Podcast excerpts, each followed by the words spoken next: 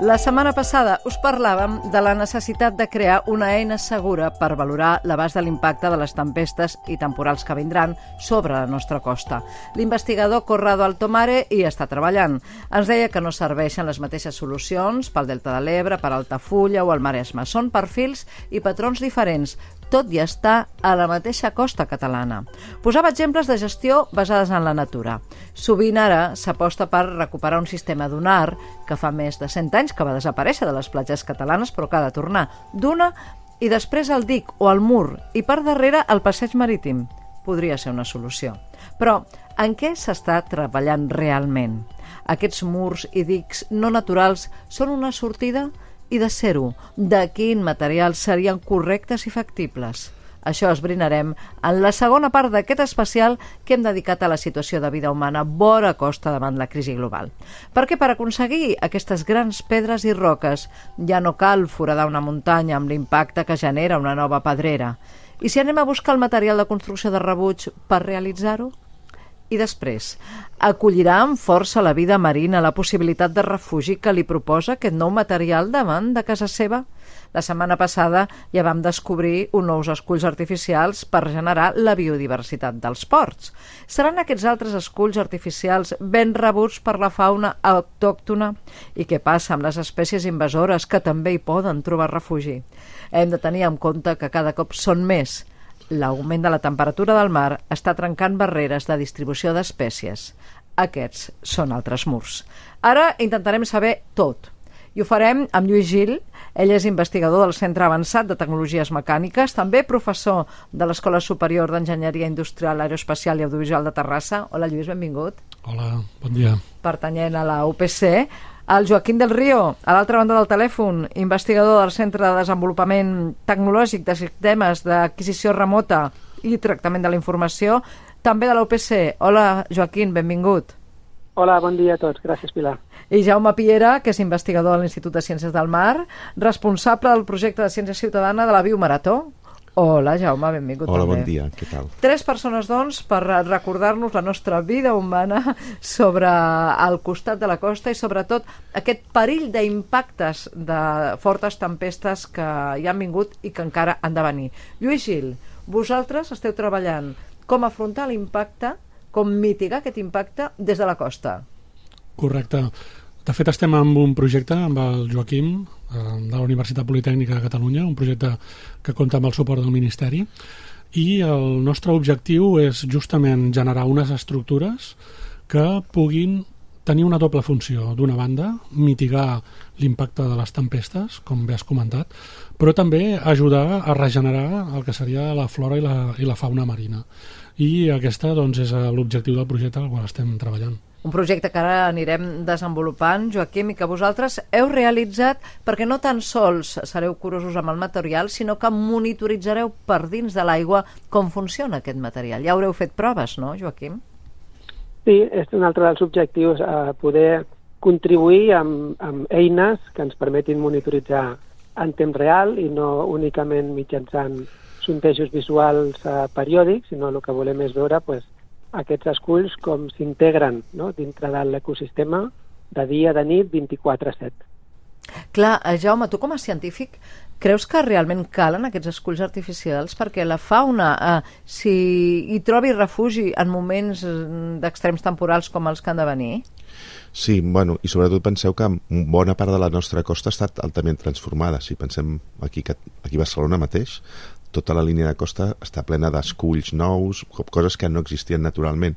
I a vegades aquest tipus d'esculls poden d'alguna manera substituir aquell de transformació que s'havia fet i, i aportar, si voleu, noves cases per la, uh -huh. la, els organismes. En aquest treball de biomarató que heu fet a les. -huh. costes i que ara ens parlaràs, quan heu entrat a la costa de Barcelona s'ha sorprès la biodiversitat que heu trobat precisament en aquests esculls nous i sí. que hi ha? De fet, això, com es diu ara, ens ve una miqueta, si voleu, un palet dintre la biomarató, ja hi ha un projecte que només està focalitzat aquí a les platges de Barcelona. I el que ens vam adonar, per exemple, és que hi havia inicialment la gent va dir, què trobareu a, les platges de Barcelona si tots són trossos de, de, de ciment i plàstics, aquí no trobareu res. Doncs en quant a riquesa d'espècies hem trobat, per exemple, de peixos ara més de 120 espècies diferents, que no és tan diferent a altres zones que anem a considerar molt més naturalitzades a Catalunya.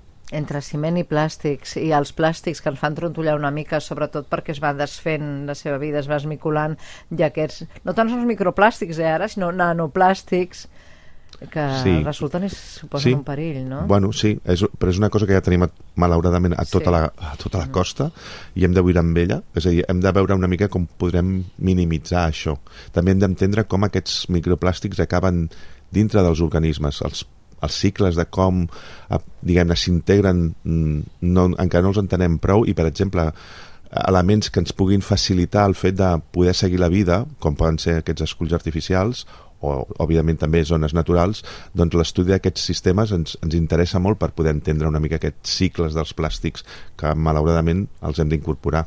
Ja, ja, Lluís, aleshores parlem de materials. Parlem d'aquests materials recuperats de la indústria siderúrgica per evitar l'impacte a les costes. Correcte.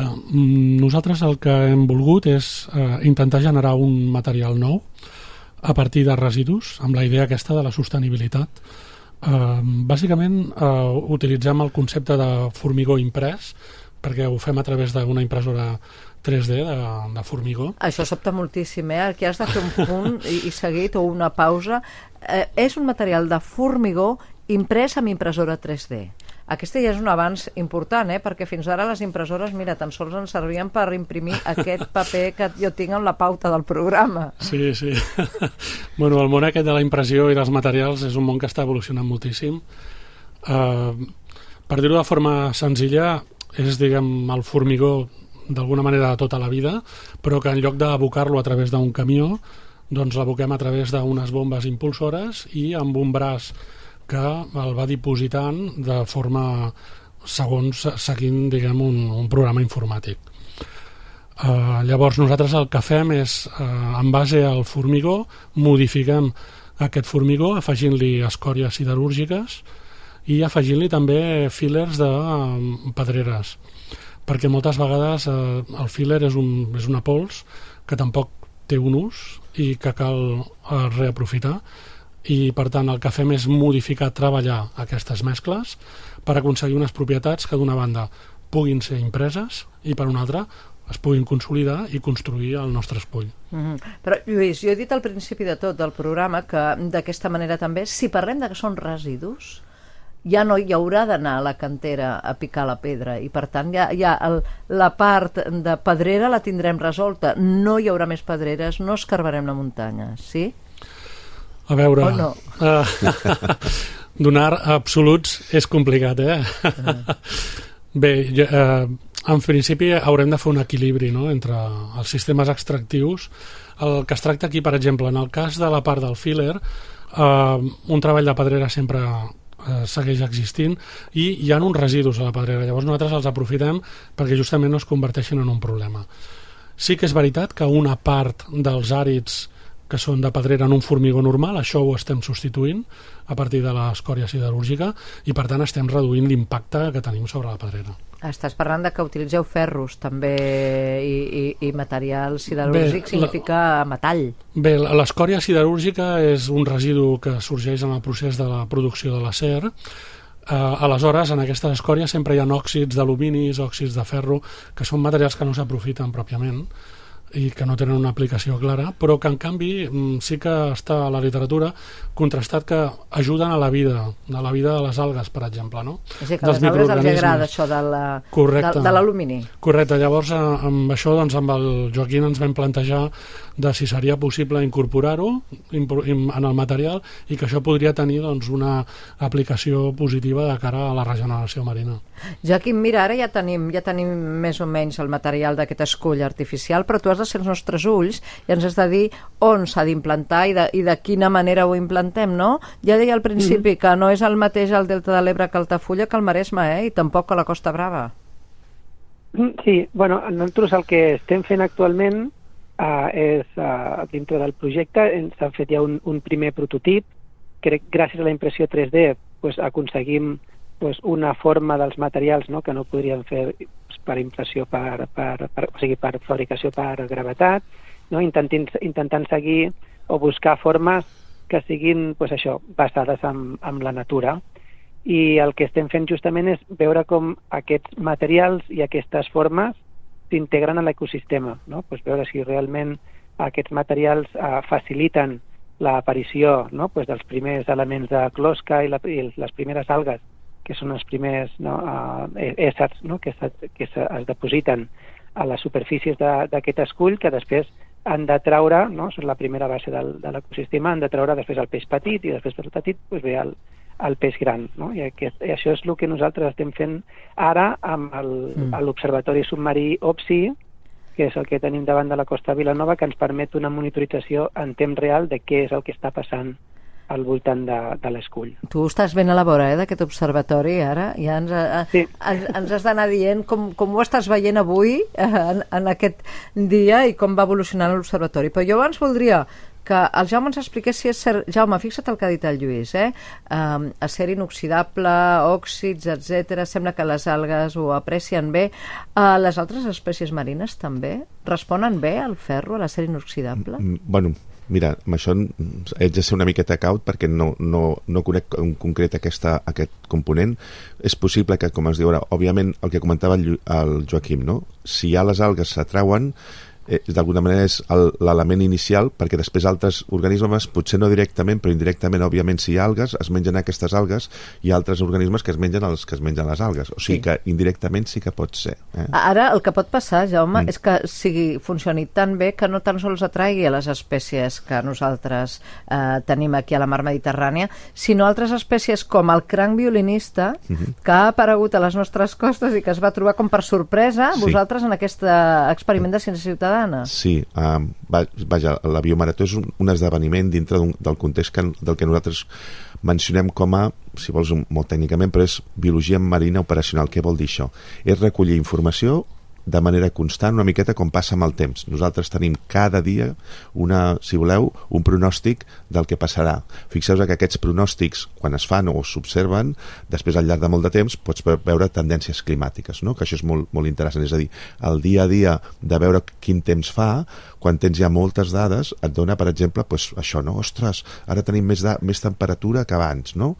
Eh, el mateix podríem tenir amb els ecosistemes marins. imagineu que ens estan reportant dia a dia i després al llarg dels anys doncs podem veure el que tu comentaves, no? Ara ens ha sortit una mica de casualitat un cranc que no s'havia vist mai aquí Ara, això és una observació anecdòtica o és una cosa que al llarg dels anys cada cop el veurem més i això ens pot fer entendre que aquest animal, per exemple, s'està acostumant a les nostres aigües? I és la segona part del teu discurs, el que passa?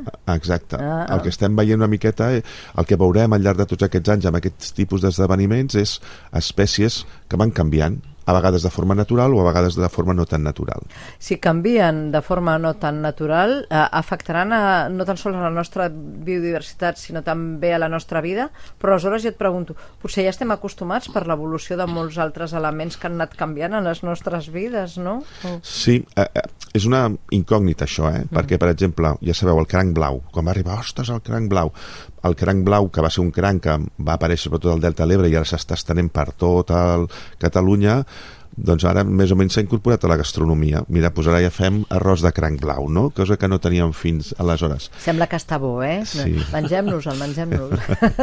Però clar, és això. Clar, el cranc blau afecta la resta dels crancs que viuen naturalment a Catalunya, doncs ja ho veurem no? Ja veurem. Mm. Aquí les coses estan complicades. Veig que eh, els dos vessants que estem tractant avui en el programa esteu treballant en dos elements alhora, no? El vostre, Lluís en concret, sí que ho té, aquesta mirada. La mirada, recupero material que és un residu i que preocupa, nosaltres aquí al programa d'alguna manera els anomenem les mines urbanes perquè ja no anem a la mina sinó que anem a tot el que tenim i que ja hem utilitzat no? recupero aquest material i alhora afavoreixo que continuï la vida allà on el, el recol·loco. Correcte, efectivament. De fet, es tracta, diguem, de treure profit d'una cosa que no, no té cap ús, no? I treure un, profit, un profit en el sentit d'orientar-nos a la sostenibilitat i ajudar al medi ambient.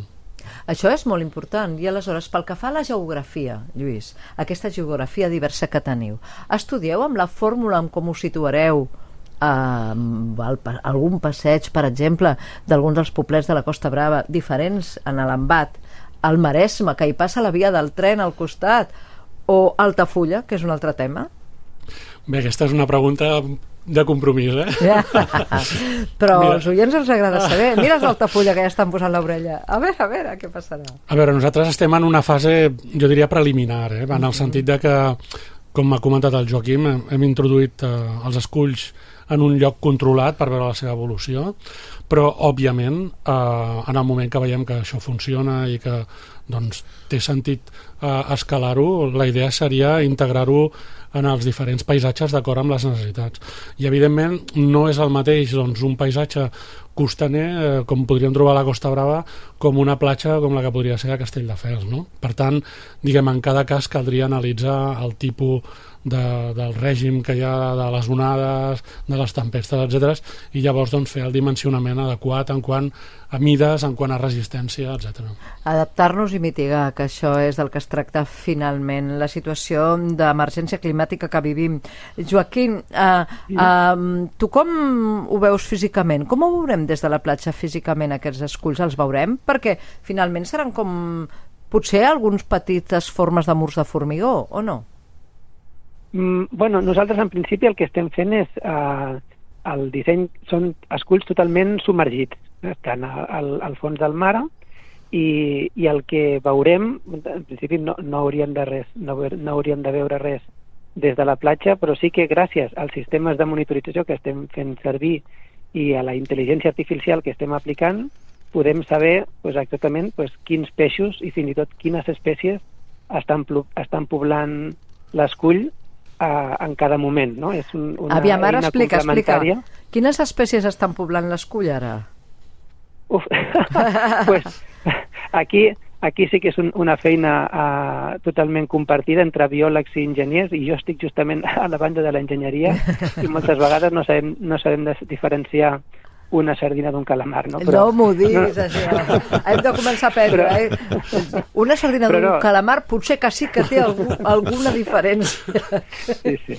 Però, però realment hem quedat molt, molt impactats perquè una de les tasques que estem fent és justament a, a aplicar no? Tot, totes aquestes eines d'intel·ligència artificial que ens ajuden justament a, a la feina que feien abans els biòlegs, no? d'intentar eh, pues això, eh, identificar i etiquetar manualment no? cadascuna de les espècies que, que es veuen. No? I això realment ens dona molta informació i un volum d'informació molt gran, no? que complementa justament les, les, les anotacions que fan els submarinistes, per exemple, a les biomaratons. Nosaltres aconseguim doncs, complementar aquestes anotacions manuals justament amb videocàmeres no? i amb intel·ligència artificial. Val, perquè és molt important això. Jo ara volia preguntar-li al Jaume, Jaume, tu com respons a això de la intel·ligència artificial? Ens estan traient la feina o complementen la feina que fem? Mm, Eh? sobretot la complementen. Penseu que OPSI està molt bé, però fixeu-vos que OPSI és un punt en tota la costa. És un punt singular perquè té aquesta infraestructura que té un sistema cablejat, molt sofisticat, però això dific, di, difícilment ho, ho reproduirem al llarg de la costa perquè costa molts diners el paper que poden jugar aleshores tota aquesta gent voluntària, que sí que estan per tota la costa, és que ens donen observacions al llarg de tota la costa que s'identifiquen, si voleu, una mica manualment, però a vegades necessiten de ser verificades.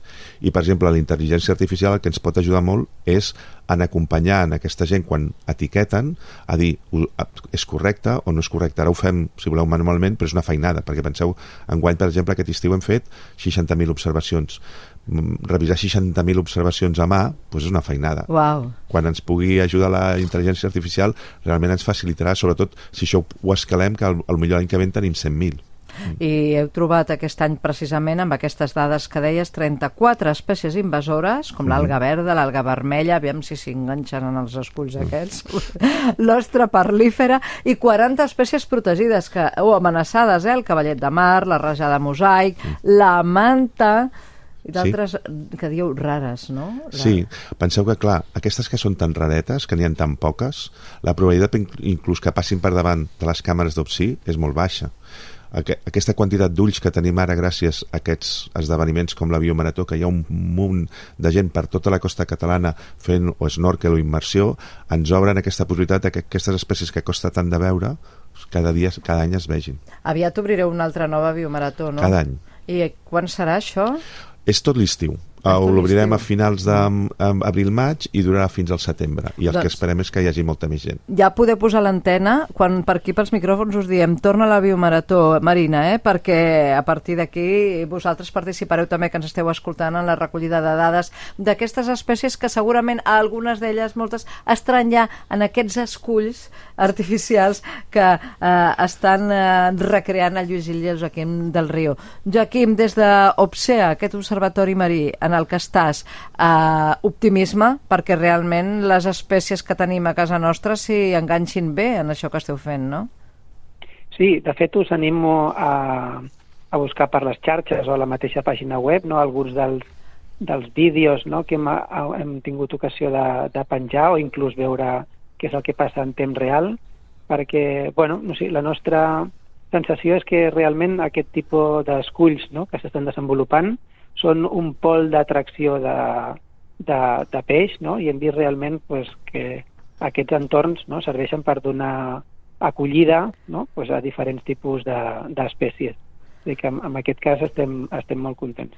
Ja ho imagino. Lluís Gil, ens seguirem parlant d'aquest projecte que porteu entre mans i que ens farà veure, encara que no ho veiem del tot, no? que tinguem que fer una mica d'immersió o snorkel per, per saber-nos veure la nostra proximitat a la costa d'una manera molt especial. Esperem que sigui rica en vida humana i també vida marina. Molt bé, doncs gràcies. Gràcies, Lluís. Gràcies, Joaquim del Río. Gràcies, Jaume Piera. Moltes gràcies. Gràcies a vosaltres, Pilar.